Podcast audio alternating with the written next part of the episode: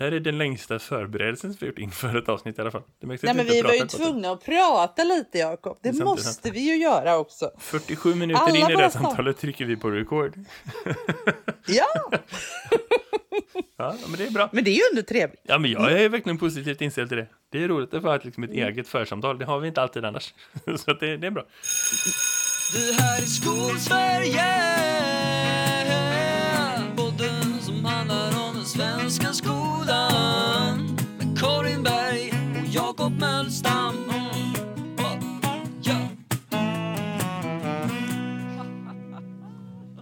Har du haft en bra jul? Ja.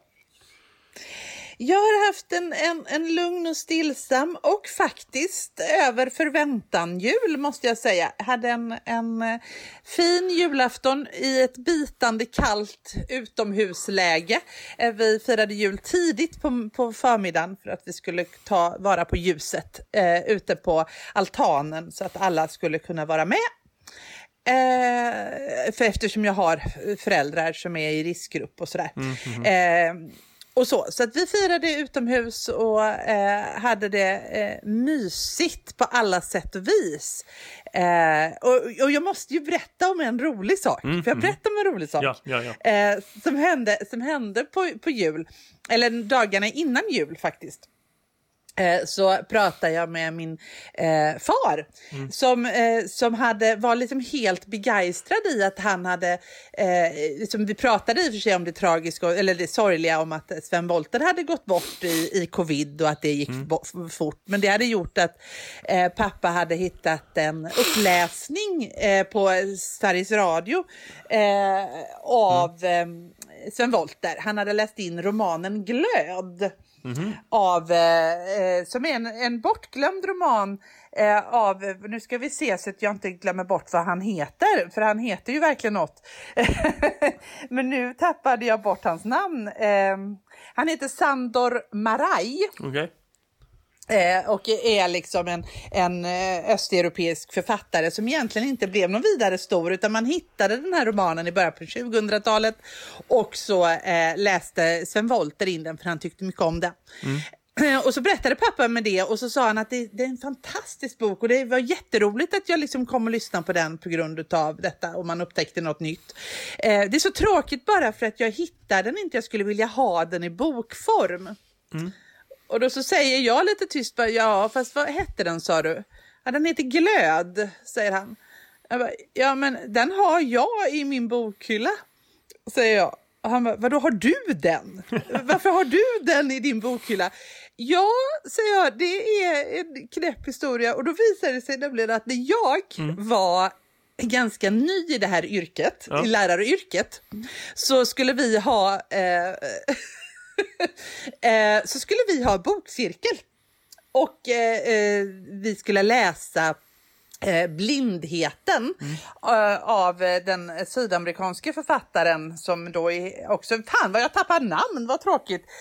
Men men här, det, den Blindheten är ju en, en dystopi mm. som, som handlar om att alla människor får ett virus och blir just just blinda. Han heter José Saramago heter han just. som har skrivit den. Och eh, den skulle vi läsa. Men jag hade väl var så fullt upptagen med att lyssna på annat tror jag, så jag hörde inte vad de sa och fick för mig då att det var glöd jag skulle läsa när jag kom till affären. För jag tyckte att det var väl Saramago eller Sandor Maraj, vad var skillnaden? Det var väl inte så stor skillnad. Så jag köpte glöd och det var liksom, den låg liksom på en sån här konstig eh, hylla långt in. Det var ingen som hittade den, fanns ett exemplar. Så jag köpte den pocketutgåvan mm.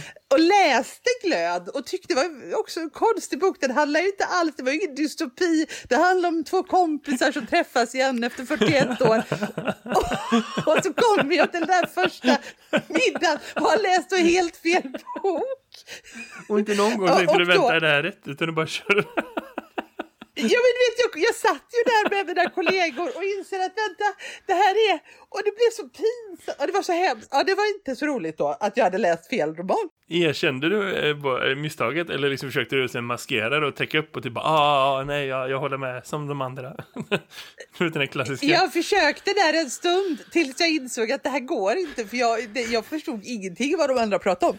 Oerhört pinsamt. Eh, så, eh, men, och sen har ju den boken stått stå i min bokhylla som det här skämtet om att fan, jag kan inte lyssna på folk när de pratar. Så jag har haft den där tills då min pappa 15 år, eller vad många år senare, mm. eh, eh, då kommer och säger att jag har så gärna velat ha den här boken. Eh, så den fick han i julklapp. För den hade jag ju i min, alltså, i min bokhylla. Snyggt. Så det var ändå snyggt. väldigt fint. Ja, det är sällan som cirklar sluts så och eh, faktum är att man kan faktiskt läsa, nu går det ju inte att få tag på, men man kan lyssna på Sven Wollter eh, på P3 eller på P1 sån här lyssnare. Mm. Eh, den heter Glöd av eh, Sando Marai och eh, han läser den väldigt fint för jag var tvungen att gå in och lyssna. Jag tänker, vi försöker hitta en länk och så försöker vi lägga det i beskrivningen till det avsnittet så kan man gå in den vägen. Ja, Eh, en gammal vänskap, om man nu är lite, jag vet inte. Ja. Det, det, men den var lite ro, det var roligt av den anledningen i alla fall. Ja, och sen är det roligt att höra, uh, höra Sven Wollter. Ja, jo, men det är det. Jag förstår verkligen att han är en bra berättarröst. Det, det är jag helt med på. Eh, så. Mm. Min jul har varit ganska långt ifrån. Den har inte varit, så, den har varit superbra, men den var ganska långt ifrån att spontant hitta böcker i bokhyllan. Det har inte varit liksom den... eh, ja, men inte, nej, inte ens mycket. Utan istället har jag gjort Nej. andra grejer. Eh, jag satte mig i någon sorts självkarantän för att kunna träffa liksom familjemedlemmar och så efter en hösttermin av att jobba liksom med hundratals människor. Så gjorde jag det på mhm. dag. Det var ganska skönt för att komma ner i varv. Liksom gick inte ens på Ica, ingenting. Och sen så var jag träffade mina föräldrar och firade med dem. Och sen så har jag liksom varit hemma och skrotat och tagit det lugnt och eh, försökt att hålla igång med träning och liksom hitta tillbaka till bra vanor och bra rutiner och sådana grejer. Jag läser ikapp saker som jag inte hunnit och liksom eh, fixa med grejer och så. Eh, och då hittade mm. jag en grej häromdagen som jag gått och funderat på sen dess. Det är absolut inget kopplat till jul, snarare tänk andra ändan av skalan. Eh, så. Mm. Eh, det finns eh, i Kina eh, så finns det flera stora teknikföretag som man inte till mans har så bra koll på.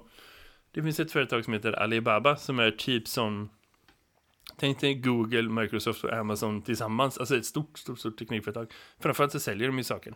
Eh, AliExpress och så. Mm -hmm. eh, deras ägare är Jack Ma. Eh, tänk typ Jeff Bezos, alltså vdn för Google, alltså den storleken av liksom person. Eh, så. Eh, han har försvunnit. Läste en artikel om häromdagen. Det är ingen som har sett eller hört ifrån honom på två månader. Eh, bara sådär. Tänk dig liksom vdn för Google motsvarande, fast i Kina då.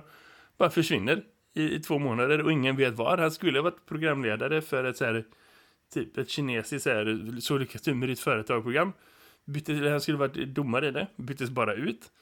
Hans företag skulle börsnoteras och det gjorde det, men det bara liksom eh, blev mycket, mycket, mycket mindre. Eh, och han är bara helt försvunnen. Eh, och något av det sista som hände var att han hamnade i fight med kommunistpartiet i Kina om eh, liksom han började så här ta ton och börja kritisera liksom vad han tyckte var ett väldigt så här, gammaldags liksom, inställning till innovation och utveckling och liksom företagande och eh, så. Så han höll ett eh, stort offentligt tal om det i Shanghai. Eh, och folk tror att han har liksom blivit ovän med partiledningen och att det hänger ihop med varför han bara försvunnit. En av världens rikaste människor. Eh, en av liksom en superprofilerad eh, liksom ja men så många sådana företagsledare så är det väl inte han som är liksom hjärnan, utan det är väl liksom så.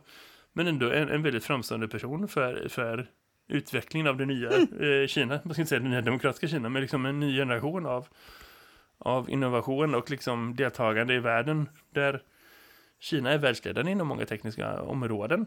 För att det är liksom folk som inte är det är väl klart att man på något sätt är medlem i partiet om man ska kunna växa till den nivån, men liksom som inte kommer från inifrån partiet, utan som ändå är sin egen liksom så. Han har bara försvunnit. Ja, Man läser det, knappt om det i media det, överhuvudtaget. Det är nej, helt får, oväntat. Och sen är det ju så att nej, men faktum är så här att du får inte vara medlem i partiet och handla med aktier i Kina. Visste du det? Nej, ja, det är inte förmodligen. Det är väl någon sorts korruptionsgrej. Nej, men du får inte vara...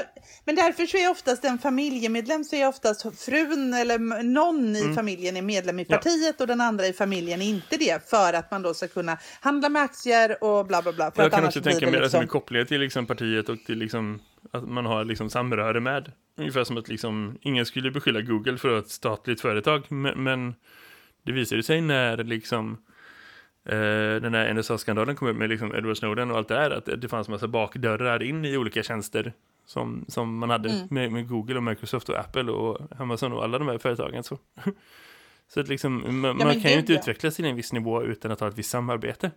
Och det är väl rimligt att förvänta sig på samma sätt som att liksom Alltså alla de teknikföretagen har ett visst samarbete med svenska liksom, myndigheter och så också att kunna spåra brottslighet på internet och liksom alla möjliga. Alltså det finns ju alltid nivåer och grader av det.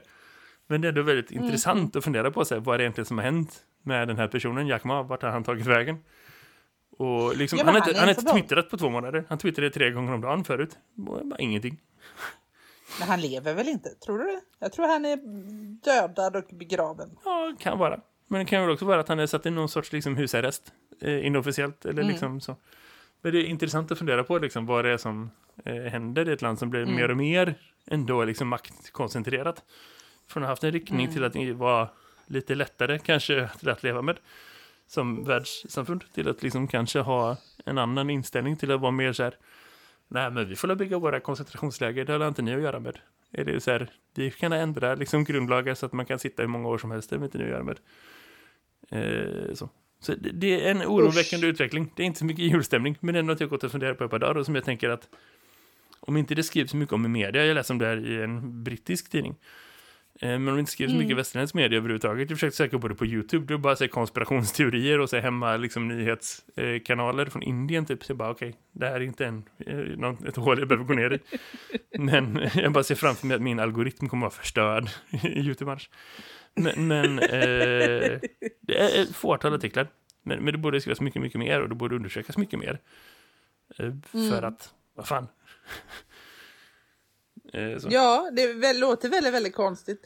Eh, ja, nej, jag, Ja. jag har ju inte hört om det eh, alls, skulle jag säga. Men, men gud. Ja, Men det är ja, inte det vi ska prata om den här jag- podden. Det här är inte Kina-podden, det finns Nej, andra men jag poddar. om- förväntar mig att du, du håller mig uppdaterad. Vet du vad, ett, eh, för att komma in på det här med utbildning och eh, lärande och professionellt lärande och så. Vill man lära sig mer om Kina Mm. och teknikutveckling och så, så finns det en podcast som heter Den digitala draken.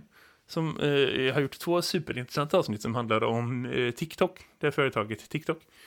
Och liksom varför det får kritiska Mm. mot det och hur blir det en politisk liksom, stor världshändelse och liksom vad de tjänar pengar på och så.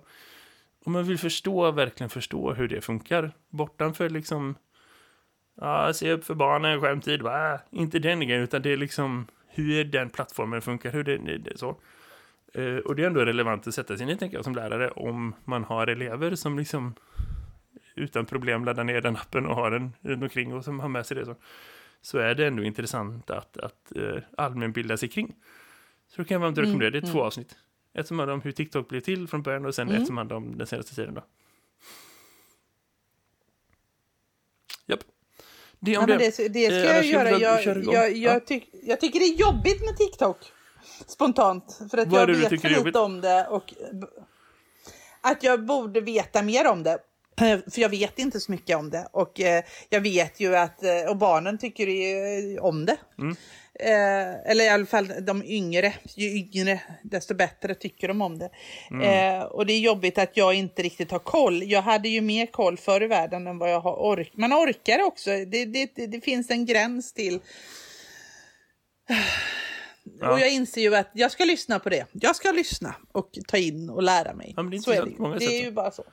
Allt Mm. från liksom till hur, de, hur har grundats och liksom hur det utvecklats från början och hur det tagits över. Och igen det är så här, staten och liksom företagen och liksom algoritmer och så. Mm. Men också så här, det ideologiska i... Vad som hände under 2020 var, liksom, för att sammanfatta den politiska diskussionen, var man i USA diskuterade och i vissa andra länder diskuterade att införa som straff, liksom som handelsstraff mot, mot Kina för olika orsaker, att förbjuda kinesiska appar från att liksom användas i de länderna.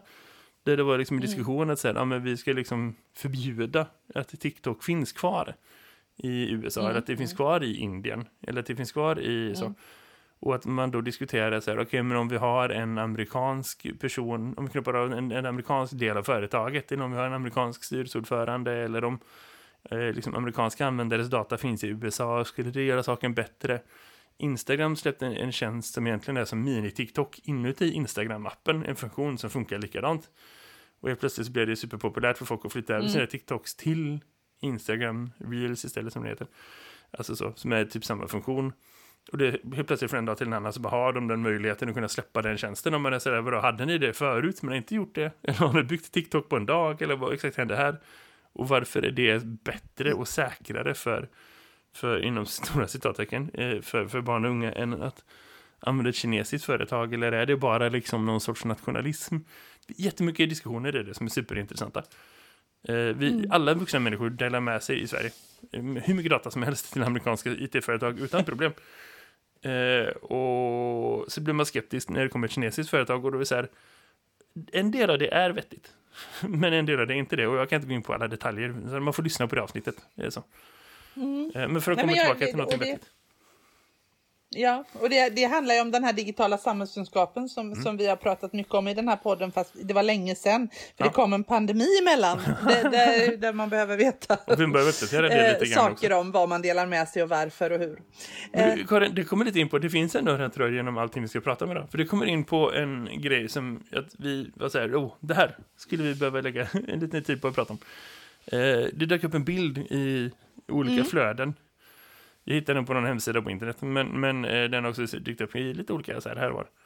Eh, som vi kan lägga igen i våra, eh, man kan gå in och kolla på våra Facebook, våra Instagram, eller om man vill kolla på vår hemsida då.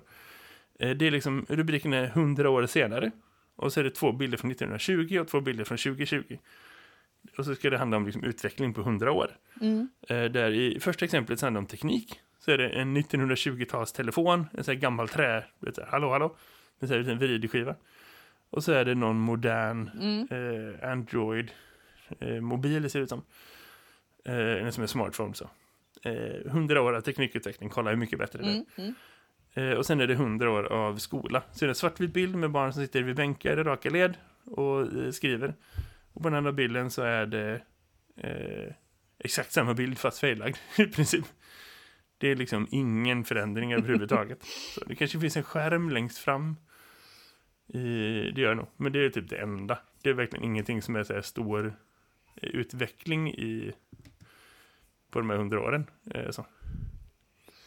Och det ska liksom symbolisera Nej. någonstans eh, att tekniken och världen utvecklas med skolan utvecklas inte framåt så.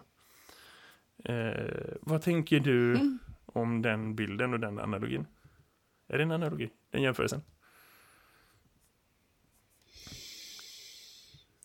Jag tänker att den är enkel att göra. Jag ty- jag, först och främst så, så, så tänker jag kanske på att just eh, lite roligt att de, de, de, gjorde, de gjorde ju ett försök att gestalta detta, ja, med betoning på försök i, julkalendern där de hade skola då och skola nu med, med då hur vilse de gick. Alltså där, där, eh, ja, där handlade det ju om 1920 och 2020 och Just där de då, de, den från 1920 besökte 2020 års skola medans, och tvärtom. Just det, just det. Eh, och jag kan väl inte säga... Eh, det, och det, det, blev väl, det var väl lite, den bygger ju lite på samma...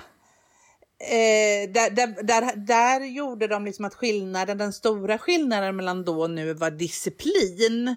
Det är ju det de gör ett stort nummer av i julkalendern. Eh, att det, det var mycket mer disciplin förr och då fick man slå barn typ. Och det får man inte nu. Eh, det, var, det var väl det man lärde sig, kanske. Eh, eh, och, och jag... ja, men det, det, det, det, Förlåt, jag börjar skratta för jag börjar tänka så här. Hade jag bett mina fjärdeklasser att skriva en julkalender om skolan för och nu så de landar på exakt den nivån av problematisering. Det hade varit allt. Ja, jo, men lite så. Ja, men det var lite så det, det, det var. Är det det som kallas liksom, målgruppsanpassning eller? Ja, kanske, kanske, kanske. Eh, men lite så var det. Men, men i alla fall, Eh, Eh, så, så, så, så, men, så det var väl min första tanke. Sen är det ju en väldigt enkel och lite provocerande sätt att, att förklara saker och ting. För jag tänker läraren som från 1920 då, som skulle komma in i 2020 års klassrum, skulle ju inte ens hitta ut igen, tänker jag. Alltså det, det, det, det är ju inte så att eh, det, det, blir ju lite som när man får från lärarhögskolan. Du ska använda ett digitalt verktyg i din undervisning. Man bara känner, va? Det, det får de ju ofta med sig. Mm, mm. Och så tänker jag väldigt sällan, väldigt ofta att vadå ett digitalt, det gör, får de bara använda ett? Vad, vad, alltså, hur, hur ska de ta närvaro? Vad tänk, vadå digitalt, vad, vad betyder det? Alltså, vi har ju liksom inte då identifierat vad är digitalisering, vad är teknik, vad är, alltså det blir ju Nej. jätte eh, konstigt när vi, när vi pratar så. För teknik har vi ju precis exakt hela tiden i ett klassrum idag. Eh, sådär. Så det, det, det blir lite eh, konstigt kan jag ju tycka. Jag är ju så gammal så jag har ju jobbat när inte vi hade datorer i klassrummet. Eh, faktiskt. På min, för min skola var ju lite tröga också att vi fick gå till datasalar och sådär. Eh, just det, just det. Ja men det var det för mig med. Ni gick i högstadiet hade vi datasalar. Så. Ja. Nej men alltså jag jobbade, jag var lärare då. Mm. När jag fick ta med mig min klass till datasalar och, och skillnaden och eh, när jag inte hade datorn med mig varje lektion och sådär. Men, men, men jag menar, det är klart att det har hänt mycket. Herregud. Eh, alltså när jag tänker på ja, den här bilden inte. och när jag tänker på liksom den det vi gjort som någon sorts skämt, men också någon sorts liksom, kritik utan att det är så himla... Det ska väl inte vara någon sorts samhällsanalys, utan det ska väl liksom bara vara så här en pet och sen så är det bra typ. Men liksom lite inom humorkategorin. Och då tänker jag så här, mm. ser man på telefoni och teknikutveckling utifrån så tycker jag att det låter som att, så här, ja, nej men absolut. Det, det, det har liksom hänt mycket som helst. Kolla hur avancerat och bra det är nu. Eh, så. Skulle man bara skrapa lite, lite, lite på ytan och börja tänka på mm. ur ett liksom historiskt perspektiv eller se ur samhällsperspektiv eller liksom bara gå in lite mer insatt och tänka mm. så här, vad betydde den telefonen som fanns på 1920-talet och vad betydde den telefonen som fanns nu och vad fanns det för liksom utvecklingskraft och utvecklingskapacitet liksom, och så så tror jag att liksom det som hände inom telefoni på 1920-talet var betydligt det var då typ 50 år in i att man hade liksom telefoner som började allmänt införas i, i världen. Så det kanske var 20-30 år in i Sverige då. Jag gissar lite, men, men typ. Eh, så liksom eh, Tänk liksom vilken enorm samhällsomvälvande kraft den 1920-talstelefonen hade. Och jämför det med att idag när man utvecklar telefoner så handlar det om att göra samma sak mm. som alla andra. Men gör det lite, lite, lite, lite annorlunda.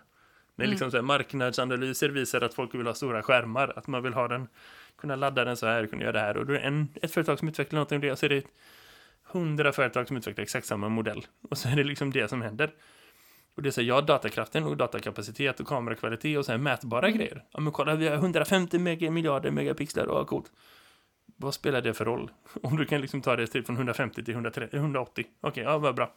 Men liksom, där kan man om man bara börjar skapa lite mer på det. Jag tänker att, okej, okay, men liksom, vad är det för utvecklingskraft? Det är det som är det intressanta.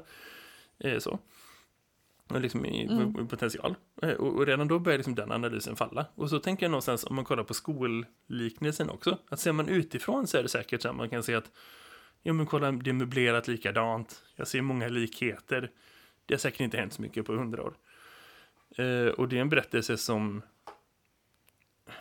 jag är inte så intresserad i att säga, men är det sant eller inte? För, för det, jag tror att det är båda två. Beroende på liksom hur man väljer att bryta ner det sen i i riktiga resonemang och inte bara liksom den internet-meme-logiken liksom någonstans. Att det är så här, ja absolut att det finns områden där man önskar att skolan var snabbare på att reagera och där man tänker att det har funnits i gånger i historien när skolan var eh, det som revolutionerade samhället eh, så, och som förde samhället framåt i, i, mm. liksom, i samhällsutveckling. Och det har inte hänt så många gånger de senaste 30, 40, 50 åren. Så. Det finns absolut fall och exempel där det har hänt, men liksom, det är inte så många gånger som, som man kanske skulle vilja att det var så. Och, och det finns områden där man fortfarande säger offentlig förvaltning, där är kommuner som liksom De behöver inte agera som riktiga världen och därför så gör man lösningar som blir så här, hur, hur kom, det här, det här finns inte någonstans i ett riktigt företag för då har de gått under, eller hur? Erkänn. Du vet, liksom den, den grejen.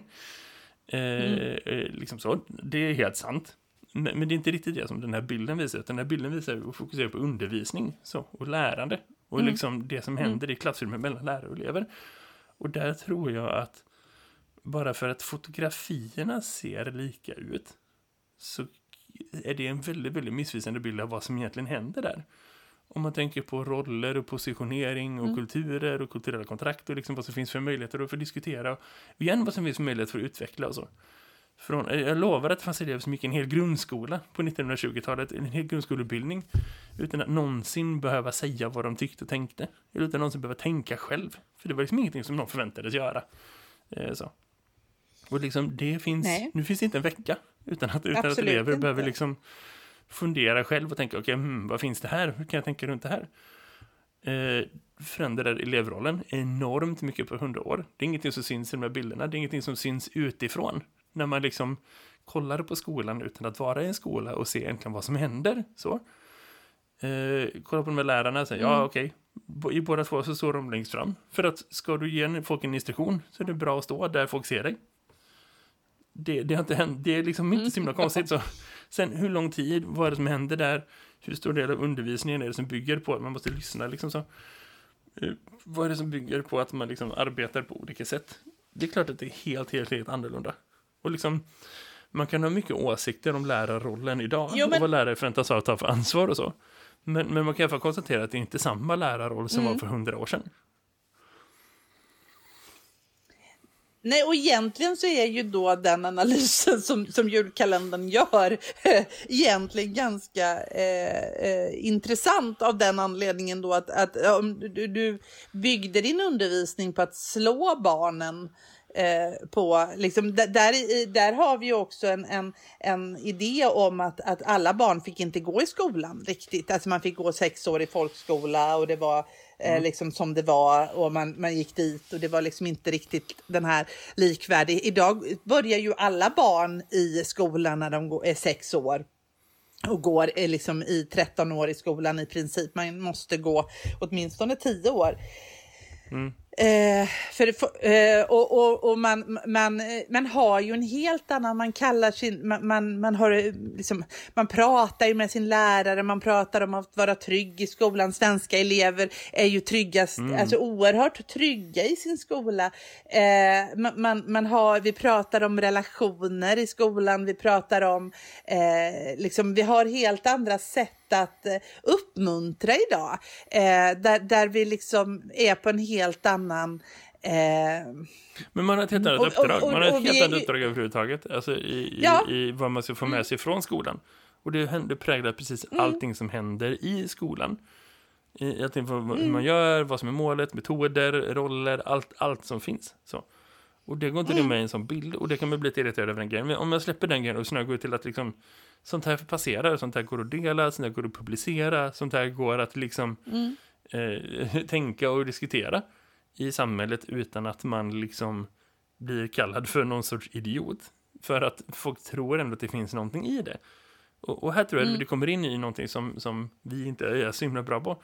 För menar, du är lärare, jag är lärare, de flesta som lyssnar på den här podcasten är väl lärare på något sätt eller att man har någon koppling mm. till skolan, liksom internt i vår verksamhet så, finns det ett sätt att prata och diskutera och så, och det är bara professionellt att det är så. Men att gå från det till att mm. se vad är det som finns utanför och hur pratar man med dem som finns utanför. Det är en helt annan diskussion. Och det är ingen som tar ansvar för att mm. förklara mm. och för att visa, för att det ingår inte i det uppdraget som finns. Och då räknar jag in när jag pratar med Nej. utanför, då räknar jag inte med elever, jag räknar inte med de som är föräldrar idag, för de är ändå någon sorts liksom stakeholders, de har, de har något intresse i skolan. Alla föräldrar ser inte en skola mm. varje vecka, absolut inte. Alltså från årskurs typ tre uppåt så är man ju inte i skolor så du ens ser fysiskt hur lokalen ser ut. Men man har ändå någon sorts kontakt mm. och den, det, det, är liksom någon sorts mellanting. Men, men, tänk alla människor som inte är i skolan för att de inte är elever längre, de har inte barn som går i skolan, de jobbar inte i skolan. Det är liksom, mm. om, om Sverige är 10 miljoner människor så är det 2 miljoner som är lärare eller elever så säger kanske 4-5 miljoner märkna med föräldrar. Då. Eh, så. Och så tänker mm. vi att mm. liksom, halva Sverige har ingen koppling till skolan. Eh, Så. Mer än att man är i ett samhälle där det finns ett skolsystem. man kanske går förbi en skola när man går till bussen, men det är liksom det. Eh, Hur de människorna pratar om skolan, det tror jag ändå så här, ja ah, men okej, hundra år har inte hänt så mycket. Vad tråkigt. Det är liksom en snäll beskrivning. Eller så här, fy fan vad de är sämst. liksom, skulle kunna vara en, en lite strängare eller så. Eh, och en del av det är absolut saker man får bära. Men, men jag tycker det är ändå intressant, för det är så här, vad är det som händer? Vem, vem tar någon ansvar för att de människorna ska förstå hur det är? För vi behöver ändå att de ska förstå hur det är. För att få folk som röstar på eh, politiker som har vettiga skolförslag och för att liksom, nationell skolpolitik ska eh, vara någorlunda seriös och inte liksom totala jävla pajkastningar. Eh, och för att vi ska få de förutsättningar som vi behöver. så. Kolla på vad som har hänt i den här coronapandemin när det helt plötsligt är en massa människor som känner någon koppling till vården. Även folk som inte liksom egentligen jobbar i vården eller som är sjuka eller som känner någon som blir sjuka så att de måste vara inne i vården på det sättet. Den känns mycket närmare. Och helt plötsligt börjar alla prata om vårdfolk, personalens liksom villkor och liksom förutsättningar för att driva och liksom det är värsta nationella diskussionen kring liksom regioner, ska vi ha dem, ska vi inte ha dem, hur ska vi göra? Som kommer ur att man helt plötsligt engagerar många, många fler människor i den diskussionen. Även de som är liksom längst ifrån. Vi har ingen sån diskussion om skolan idag. Vilket gör att sådana här bilder passerar, att det finns en bild av vad som händer i skolan utifrån som är långt ifrån kanske vad som egentligen är eh, sann. Eh, och och eh, det gör att man som politiker och som ansvarig för att utveckla skolan som organisation kommer undan. För det är ingen som förväntar sig att politiker ska ha bra svar om skolan. För att de flesta människorna är så här, ah, ja, om, om en politiker skulle kunna liksom ge det politiska motsvarigheten till att bara ha den här bilden fast som sitt förslag. De hade vunnit valet direkt. Ja, det är skolparti, jättebra. Jo, för så, så, samtidigt tänker jag så här att skoldebatten har ju också flyttats från, alltså den här offentliga, alltså det, det, liksom det, är så här, det ska vara ordning och reda i skolan. Eh, alla som, den förstår alla, det, det tycker vi, det ska vara ordning och reda i skolan. Eh, ja, det låter som en bra grej, utan att någon egentligen identifierar vad innebär det, vad betyder det, vad är det som får liksom gå alltså, vad, vad menar vi med ordning och reda i skolan? Utan det ska det vara. Eh, och sen så säger man också så här att det ska finnas bra lärare i skolan. Eh, liksom att det, allting grundar sig i att det är bra lärare i skolan utan att man överhuvudtaget identifierar för alla elever har någon gång stött på en lärare som man klickade extra med, som man kände sig extra sedd av. Förhoppningsvis har alla eh, mött någon sån. Eh, men, men vad som är en bra lärare eh, i, i generellt, det vet vi liksom ingenting om. Vi pratar om precis de två eh, eh, grejerna blir liksom, det låter enkelt, det blir som precis den där bilden som du, som du visar den här, liksom, det, eh, det blir självklart och alla kan nicka och säga ja, absolut. Eh, men sen är det ju så här då att tänker jag att eh, de här stora grejerna, varför är det inte ordning på alla skolor? Varför är det så att vi liksom har skolor med större problem än andra? Vad är likvärdighetsproblemen eh, som, som faktiskt på samhällsnivå undergräver alla skolor? Det är ju en fråga som faktiskt alla egentligen skulle kunna förstå men som ingen, inte alla är medvetna om existerar. Man förstår inte att den här, jag vill kunna välja, för det har man fått lära sig att det, man ska välja skola för sitt barn och ta inte bort den möjligheten för mig, gud så hemskt.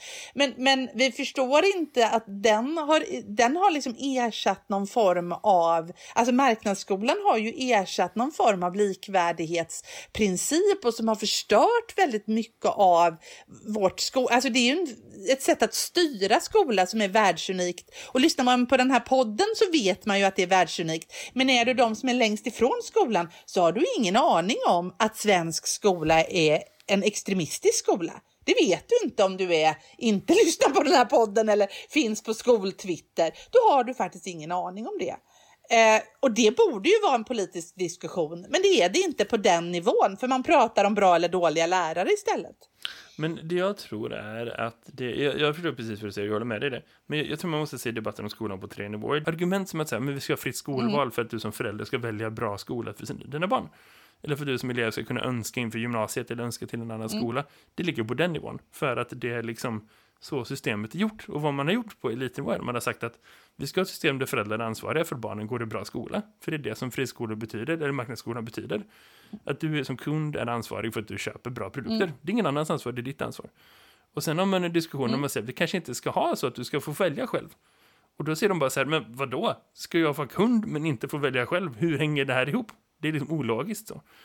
Eh, men, men tar man det verkligen ett enda steg bortanför till de som kanske är äldre och som inte liksom längre har några barn, för deras barn har gått färdigt skolan och bryr sig inte om skolan. Eller liksom folk som är yngre och som är så här, men jag tagit studenten, jag ser inte framför mig att jag kommer utbilda mig på universitetet snart. Jag, kommer, jag kan inte föreställa mig att jag kommer ha barn om tio år, så jag bryr mig inte. Skulle man förklara för dem att liksom, vi har ett system som är som marknadsskolan, eh, då skulle de vara så här, varför i helvete då? Var, kommer det här ifrån? Vad är meningen med det? Det här är mina skattepengar som bara går till något Kuwaitis riskkapitalistbolag. Varför då? Sluta med det nu. Det finns liksom ingen logik, för man har inte den kopplingen i det. Eh, så, och, och det är det som är grejen. Att jag, jag tror kanske att det som har flyttat skolan från att vara en diskussion som rör alla i samhället. För det var det som var grejen med, med den, liksom, den likvärdiga skolan, att det var ett samhällsprojekt för alla. Till att det är någonting som handlar om kundernas behov. Och, och fem miljoner människor som inte bryr sig om, om, om skolan, de skiter väl i liksom vilken skola du väljer för dina barn. För att liksom, kundsystem, de är inte kunder, så varför bryr de sig om marknaden då? Det är ungefär som att jag bryr mig inte om, om, om en marknad som inte jag går och handlar saker på. Jag handlar aldrig kött, så jag bryr mig inte om vad som finns för köttalternativ. Jag, jag, jag skiter i det. Om någon skulle förklara för mig att ah, vi borde ha strängare regleringar på det här, ja ah, okej, visst, kör hårt. Alltså, här, är de, liksom, och, och det är Ja. ett problem, för när man flyttar den diskussionen bort från det. Och då blir det rimligt att man kan ha sig politiker som bara, vi ska ha bästa lärarna. Ja, men det är ingen som pratar om vad det får kosta då. Eller liksom, vad händer med hela samhället om vi säger att alla de bästa människorna ska bli lärare? Då behöver vi plocka tusentals människor som inte blir läkare, och som inte blir jurister, och som inte blir liksom företagsledare, och som inte blir ingenjörer. är det det du verkligen säger? Ja. Eller är det bara att vi behöver lite bättre lärare? För det, det kan man också ha en, en riktig diskussion om, om man ska prata om på samhällsnivå. Och vad gör vi för att det ska bli det? Eller vad gör man för att lärare ska få bättre villkor? Det kan man prata om på samhällsnivå. Men det är ingen som avkräver några svar på det. Vi ska ha ordning och reda. Nej. Är det någon som någonsin gått till val på att vi ska ha mer oordning och oreda? Vi vill ha kaos. Det, här, det, det, det finns liksom inte, men, men det är ingen som ifrågasätter det. För att, Nej. för att det finns ingen diskussion på den nivån överhuvudtaget. Så. Och det finns så många exempel i det. Och, och det, det skulle behövas mer. Det är det som jag tror är kraften till att bara höja nivån i svensk skola på alla steg. Från liksom ministernivå till liksom huvudmannanivå till liksom hela vägen ner till klassrummen. Om det var så att fler människor var på riktigt intresserade och på riktigt engagerade och kände att det här är en projekt som är så här, ja men stopp, det här är viktigt för att jag, jag, jag betalar pengar till den här verksamheten, jag vill veta vad det här händer eh, och, och på vilka grunder som det här besluten fattas. Så. Ett sånt exempel är, är, man har just nu en diskussion igen om betyg i årskurs 4. Där, där man liksom har en politisk överenskommelse mellan olika partier i januariavtalet. Och politiken har du bättre koll på än jag. Men, men där man liksom säger att okej, vi har haft det här försöket, vi ska driva, eh, testa på 100 skolor. Man har sagt att okej, men är det skolor där lärarna och rektorerna vill, där rektorn bestämmer, där testar vi det här. Eh, Och sen så får vi utvärdera och se. Eh, Och så nu har man liksom lagt fram ett förslag. Ska vi införa betyg från årskurs 4 i skolor? Det finns en kompromiss här. Om, om skolor vill ha det, då kan man få göra det så. Eh, och det är liksom, det, man gör det typ innan jul. Det är inte en människa som bryr sig om det. Det finns en journalist i hela Sverige som skriver någonting om det för allmänheten. Och det finns ingen allmänhet som, som diskuterar det överhuvudtaget. När det samtidigt finns forskningsgenomgångar som visar att det finns inga som helst argument för att det skulle vara en bra idé. Det finns inga som helst argument för att, det- i vetenskap för att tidiga betyg skulle förbättra kvaliteten på elevers lärande, deras disciplin, deras motivation, på lärares undervisning. Noll. Det finns inga argument överhuvudtaget. De egna liksom, genomgångarna som man tog fram i samband med de här förslagen, de har liksom test, kollat på lite olika grejer och så, som fått en del kritik. Där i finns det liksom, eh, egentligen så här slutsatsen att okej, men liksom, ju mer information som, som återkoppling och bedömning han innehåller, ju mer informationsrik den är, desto mer värdefull är den för yngre elever och för deras föräldrar. Om du får liksom en bedömning som är så här, du, eh, det går bra för dig på de här, de här, de här områdena, du behöver träna mer på det här och det här och det gör vi på det här sättet. Det betyder någonting för att föräldrar ska veta, okej, men då hjälper jag till med det här, och elever, okej, men jag fattar. Ja, du är det i matematik. Ingen information överhuvudtaget. Det betyder ingenting. Det är så här, jaha, okej, jaha, ja, ja, jaha, jaha, Och sen då? Det är liksom det ena. Och det andra är att ja, men det är bra med lite konkurrens, det är bra med lite tävling och motivation och vi är så rädda för att liksom så här, spara dem och så. Ja, det visar sig att eh, lågutbildade och liksom elever som kommer från liksom, socioekonomiskt svaga grupper inga som helst fördelar i motivation eller lärande eller utveckling överhuvudtaget. Eh, bland de här liksom, högpresterande liksom, eh, eleverna som kommer från liksom, akademikerhem eller så, den gruppen om vi tänker lite mm. slarvigt, hur går det för dem då? Ja, ah, men tjejerna går åt skogen. De enda som motiveras av liksom, summativ bedömning, det är killar från liksom, högpresterande akademikerhem som det redan går bra för i skolan det, det, är inte elever som är liksom, super, super högt prioriterade annars. Det är kanske de som har inte MSR, som inte får så mycket plats i skolan som de borde. Vi behöver absolut göra bra saker för att motivera dem också. Jag vill inte säga att det är elever som liksom vi kan skita i. Men vi kan inte bygga hela skolreformer för hela systemet på att vi ska liksom lyfta upp vadå, 10%, 5% av våra elever. Det är liksom helt Nej, ologiskt, men... men det är ingen jävel som ifrågasätter det. För att sådana diskussioner förs inte någonstans nära där folk liksom eh, finns. Nej, och man lyfter inte fram argumenten utan man säger bara... Alltså, jag vet ju att jag, jag har ju faktiskt suttit med vår före detta skolminister Jan Björklund där han sa att det är mycket tydligare om någon säger att mitt barn har det i matematik än om någon säger att de måste jobba mer med algebra. Eh, det är mycket tydligare, man förstår mycket bättre om de säger det. Och jag hade liksom inget svar på den frågan. Jag bara, eh, jaha, okej. Okay. Eh, det, det, det, förstod inte jag. Eh, så det, det, är mycket bättre. Jag försökte liksom invända mot att det inte är så tydligt, men det tyckte inte han. Eh, och, och jag tänker att man Eh, alltså för jag vet inte hur många föräldrar jag har suttit med genom åren som bara undrar vad betyder ett D och vad betyder ett C och vad betyder de här betygen och mm. varför har jag inte det här betyget, mitt barn är så duktigt i det här. Och, eh, och, och sådär. Och, och för, för, mig så blir det liksom sådär att det är ju eh, svårt att förstå. Eh, ett betygssystem, vårt betygssystem som består av så många eh, beståndsdelar. Och varför ska vi ha det i årskurs fyra när vi har små barn som fortfarande...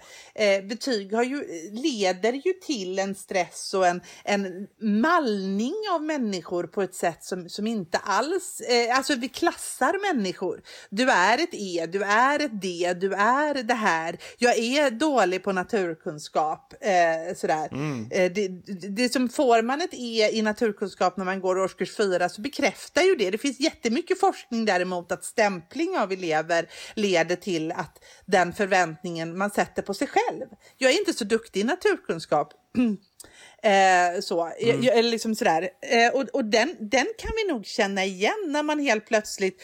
Eh, alltså, jag har ju ett barn själv som hävdar med bestämdhet för han alltid haft dåliga betyg i naturkunskapsliga ämnen eh, som i, under den här julhelgen har löst två mekaniska problem med hjälp av fysikens lagar som han faktiskt kunde. Och han var så chockad själv över att men mamma, jag kan ju det här. Mm. Eh, jag kan ju inte naturkunskap, för det säger mitt betyg att jag inte kan. Eh, och, och, och det där är ju... Eh, och det hemska var väl att jag var lite chockad också. För, liksom sådär, för, att, eh, för, att, för att jag stämplar ju honom också efter de betygen. Han har andra betyg i, i andra ämnen. Eh, mm. Eh, betydligt bättre och trevligare betyg i humaniora och sådär. Eh, och det gör ju att en stäm... Eh, alltså här, det här är ju egentligen inte svårt att förstå. Nej. Det här förstår vi ju alla eh, egentligen. Men ändå så ska vi då driva igenom någon slags populist. Det, det, det blir... Eh, och, sen så, och så kommer ett sånt här förslag smygande som egentligen ingen bryr sig om och helt plötsligt så sitter vi med det i knät och så ska mm. du och jag som tjänstemän reda ut det och ha det och hantera det eh, med i verkligheten. I den skolan som bygger på, på det som, som, eh, som, som vi just pratade om, relationsbyggande och allt det här. Och så måste vi hantera det utifrån, alltså också utifrån kundperspektiv och utifrån alla de här perspektiven. Mm. Vilket någonstans så kan man känna att vi är lite värda någonting annat. För att, alltså, att vad jag tror, nej förlåt. Ja nej fortsätt du. Nej, alltså vad jag tror, i, för att gå tillbaka till det du sa om att liksom, eh, när Jan Björklund blir så här, men jag tycker det är mycket tydligare. Jag tror ändå han gör röst för, Mm. för vad många föräldrar som är inuti systemet, men som inte liksom förstår lärarspråk, eh, eh, tycker och tänker. Eh, så, för det är ändå två olika delar, och vi behöver ha ett professionellt fackligt språk, liksom internt. Och, och det kommer vi aldrig komma ifrån. Men vi får inte Nej. blanda ihop det med kommunikation med elever och föräldrar. Jämför med om du skulle bjöda ut din liksom, patientjournal från, från journalsystemet eh, på din lokala vårdcentral eller ditt sjukhus. Du skulle inte förstå varje siffra, varje mätgrej, varje liksom så. Det är ingenting i det som är hemligt, Nej. men, men det är ingenting i det som du kommer kunna ta till dig själv. Om du inte är expert, du behöver någon som sätter sig ner och förklarar. Och där tror jag faktiskt att man Nej. kan behöva lite så kollektiv självkritik. att Okej, men om, om du får omdömet så här, utveckla aritmetik. Det betyder ingenting heller, Mm. för det är inte en informationsrik återkoppling. Vi måste fundera på så här, vad är egentligen det här med att den är informationsrik? Och vad är det för liksom förutsättningar som behövs för det? Om det fanns möjlighet, Mm. om, om alla föräldrar hade möjlighet att när som helst när de behövde kunna komma förbi liksom skolan och bara du, matteläraren, kan inte du berätta vad är det egentligen som händer med det här och det här? Mm. Om det var liksom normalläget, bortom pandemier, bortom allt vad som var. Och lärare i tid och bara, ah, men kom in, vi sätter oss och pratar tio minuter. Jag ser det här, liksom, vi ser det här och det här, jag märker det här. Eleven kommer in och sätter sig också, kolla det så här och så här. Det är ju det systemet vi vill ha. För det är då alla föräldrar kommer kunna hjälpa till. Det är då vi kommer kunna liksom samarbeta för att utveckla framåt. Det är det som vi vill komma åt med bedömning. Så. Det är mycket, mycket dyrare än, än att liksom begära att alla ska lämna en bokstav varje termin och varje ämne. Men, men det är också mycket, mycket bättre. Men det är ingen som pratar om det på det sättet för att vi har inte en diskussion om skolan på den nivån. Eh, så. Nej. Eh, jag hörde en historia om det kopplat till eh, ett exempel i Tyskland. För de är ju liksom ett land som har gått ännu ett par steg längre i det här med att dela upp. Och liksom, man har gjort det sedan, sedan många år tillbaka. Sen 50-talet så har man liksom ett urval redan i 10-11 års åldern. Där barn väljer skolor och så liksom leder det till att du längre fram kan gå på gymnasiet som är mer akademiskt. Eller liksom, de kallar det för Hauptschule. Alltså någon sorts typ eh, liksom mindre akademisk. Och då kan du inte bli, gå på universitet, du kan inte utbilda dig så. Eh, så är det om en kille som eh, av eh, turkiska föräldrar. Eh, som liksom hade kommit till, eh, jag vet inte om han var född i Tyskland eller om han var, ja men det tror jag. Men liksom växte upp någon sorts nyanländ, om man översätter det till liksom svenska sammanhang så. Och liksom, eh, ja men, bra i skolan, men inte super, superbra. Och hans lärare bara, ah, men du ska gå in på det här spåret. Det är liksom Hauptschule för dig. Och föräldrarna som var så här, nej, nej, nej, nej, jag, jag vill verkligen inte, de vill att han ska gå här. Eh, Och någon granne börjar engagera sig och börjar liksom eh, blanda sig i och så här, prata med den här läraren. Så här, snälla läraren, kom igen, han har viss kapacitet, han- de borde gå här. Och läraren bara, nej, nej, jag vet inte. Mm. Eh, så, eh, okej då, men, men okej då. Jag ger mig, liksom, jag, någon sorts press, jag, jag vill inte så. Eh, och säga, okej, men då får du gå där. Och så liksom, får du byta tillbaka om det skiter sig. Eh, så. Den mannen eh, heter Ugu Sahin, eh, växte upp, eh, Eh, hittade sin fru som också är en eh, immigrant av det här eh, turkiska föräldrar. De gifte sig, de skaffade ett företag ihop. Och det är det företaget som har utvecklat det enda just nu godkända coronavaccinet som finns i Europa. Exakt rak linje från en kille som inte var ett geni när han var tio. Och som höll på att dömas ut av ett skolsystem som är så här, nej du ska vara här borta. Du ska bli hantverkare din jävel. liksom, är du med? Det är liksom eh, lite överdrivet. Men liksom, du är på väg åt det här hållet. Hans granne fick gå in och bara, nej, nej men kom igen, det här är fel. Du måste liksom, i det här systemet där vi börjar sortera, börjar dela upp och börjar liksom se vem som var, så, så är det fel. Han borde vara här borta. Miljontals människors liv direkt räddade som en konsekvens av det. När vi spelar in det här måndag eftermiddag den 4 januari finns det bara ett godkänt coronavaccin i Europa. Det kan ändras inom ett par timmar. Att det kommer att finnas eh, det moderna vaccinet, det kommer, kommer att finnas fler. Men liksom den betydelsen som den personen har. Han berättade om den här historien och det hamnade i någon sorts liksom, press på den här, liksom, universitetet han utbildat sig. Och han utropade någon sorts tacka din granne-dag typ. jag tyckte det var superroligt. Eh, men det är liksom, eh, det är väldigt fint att, att, att det, det finns sådana historier, för det finns naturligtvis tiotusentals historier över 70 år av det skolsystemet i Tyskland. Av exempel på elever som eh, har fått liksom den möjligheten och som har fått växa upp och fått, fått bidra till ett samhälle. Men också tiotusentals exempel, hundra, hundratusentals exempel, miljontals exempel på unga människor som redan i tioårsåldern blivit så här, nej du ska gå här borta. och som sen inte har blivit mm. allt vad de har kunnat bli och som inte har kunnat bidra till liksom, Tyskland som samhälle eller kunna göra sin mm. egen livsresa eller liksom så. Det är ett slöseri med resurser som är absurt.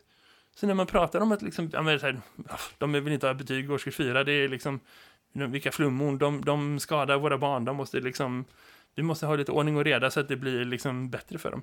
Det är inte det det handlar om. Det var precis samma argument när man införde liksom de här två olika skolorna i Tyskland för att man tyckte att vi måste få ha en skola för dem som det går bra för, så vi utmanar dem också. Eh, och hela den konstruktionen är kanske den sämsta investeringen som Tyskland har gjort i efterkrigstid. Mm. Och fatta hur mycket pengar som har gått eh, förlorade. Alltså om vi pratar samhällsekonomi. Mm. Förstå hur mycket liksom samhällsekonomi, alltså all forskning talar ju om att ju högre utbildad befolkning ett land har, desto bättre går det för landet. Det är ju självklart. För landet och, och då måste man ju få med alla, alla under...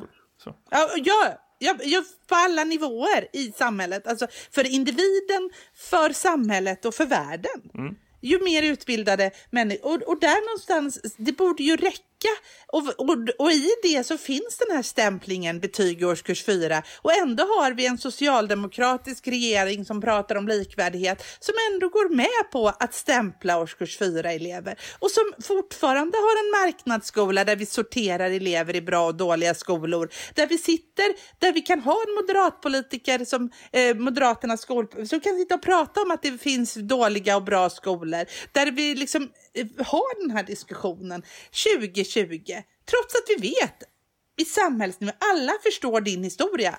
Mm. Fy fan vad den här, eh, alla förstår den. Alla förstår den historien. Och det är inte det förslaget som vi står inför att införa i Sverige. Men när vi inför tidigare liksom betyg som inte handlar om att ge bättre information. Utan det handlar om att liksom Nej. ge tydligare vägledning. Du hör hemma här, du hör hemma där.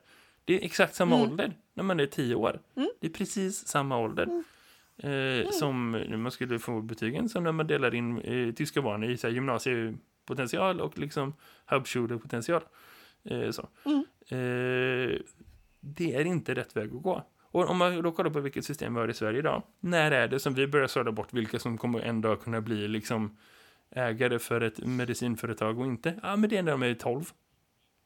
Mm. När de ska välja moderna språk. För det är så som vårt liksom, betygssystem funkar. att när du väljer eh, moderna språk, alltså franska, tyska, spanska, så finns det också de som hamnar i någon sorts sidogrupp och läser någon sorts extra svenska engelska. Och som liksom inte hamnar i den kategorin att de kan få eh, meritpoäng i slutet på gymnasiet för att eh, få de här 22,0. Förut var det 20,0 som var maxbetyg och så fick man ett extra för att läsa svåra ämnen. För att komma till rätta med mm. folk som läste liksom enklare kurser för att få högre betyg. Och då tänkte man att språk är ett mer avancerat. Eh, så vi, får, vi får fler läsa språk så då inför man det system. Eh, men eh, som en konsekvens är det i 12-årsåldern när vi börjar betydligt mjukare än, än, än vad man gör i Tyskland. Men ändå liksom när vi börjar så här, formellt som institution peka. De här ska hit, de här ska dit. så. Mm. det är inte så mycket bättre. det är inte så mycket bättre. Vi ska bara ta med det när vi pratar om att Tyskland har ett helt absurt skolsystem och det har de. Men liksom det, det, vi är inte så mycket bättre. Men, men däremot så ska man ändå tänka att men hur vill vi att den utvecklingen ska vara? Om vi zoomar ut i samhället mm. och tänker att men du är inte lärare, jag är inte lärare, du är inte förälder, vi, vi inga, inga elever, vi bara pratar om hur det är samhället då.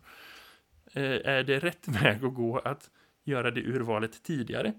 Eller är det rätt väg att gå att göra det urvalet senare? Det finns ganska få andra saker i en människas liv som vi gör prognoser om tio år in i framtiden eh, som är så livsavgörande. Mm. Man skulle aldrig säga till någon så här, ja ah, men kanske typ inom vissa exempel av vård, så här, men du måste börja träna mer, för att annars så kommer du en dag när du är äldre ha problem med det här och det här. Men det är ju inte som att det är liksom mm. skrivet mm. i sten, nu är det på det här sättet. är du med?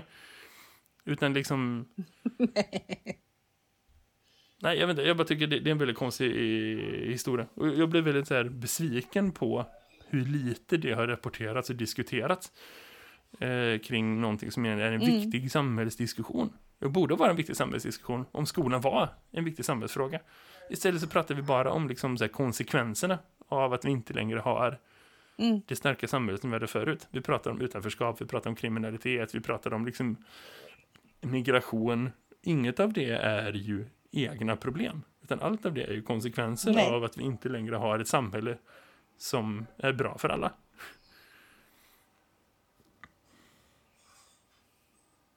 Nej, men så är det. Och där någonstans så tänker jag att eh, det var där vi landade idag.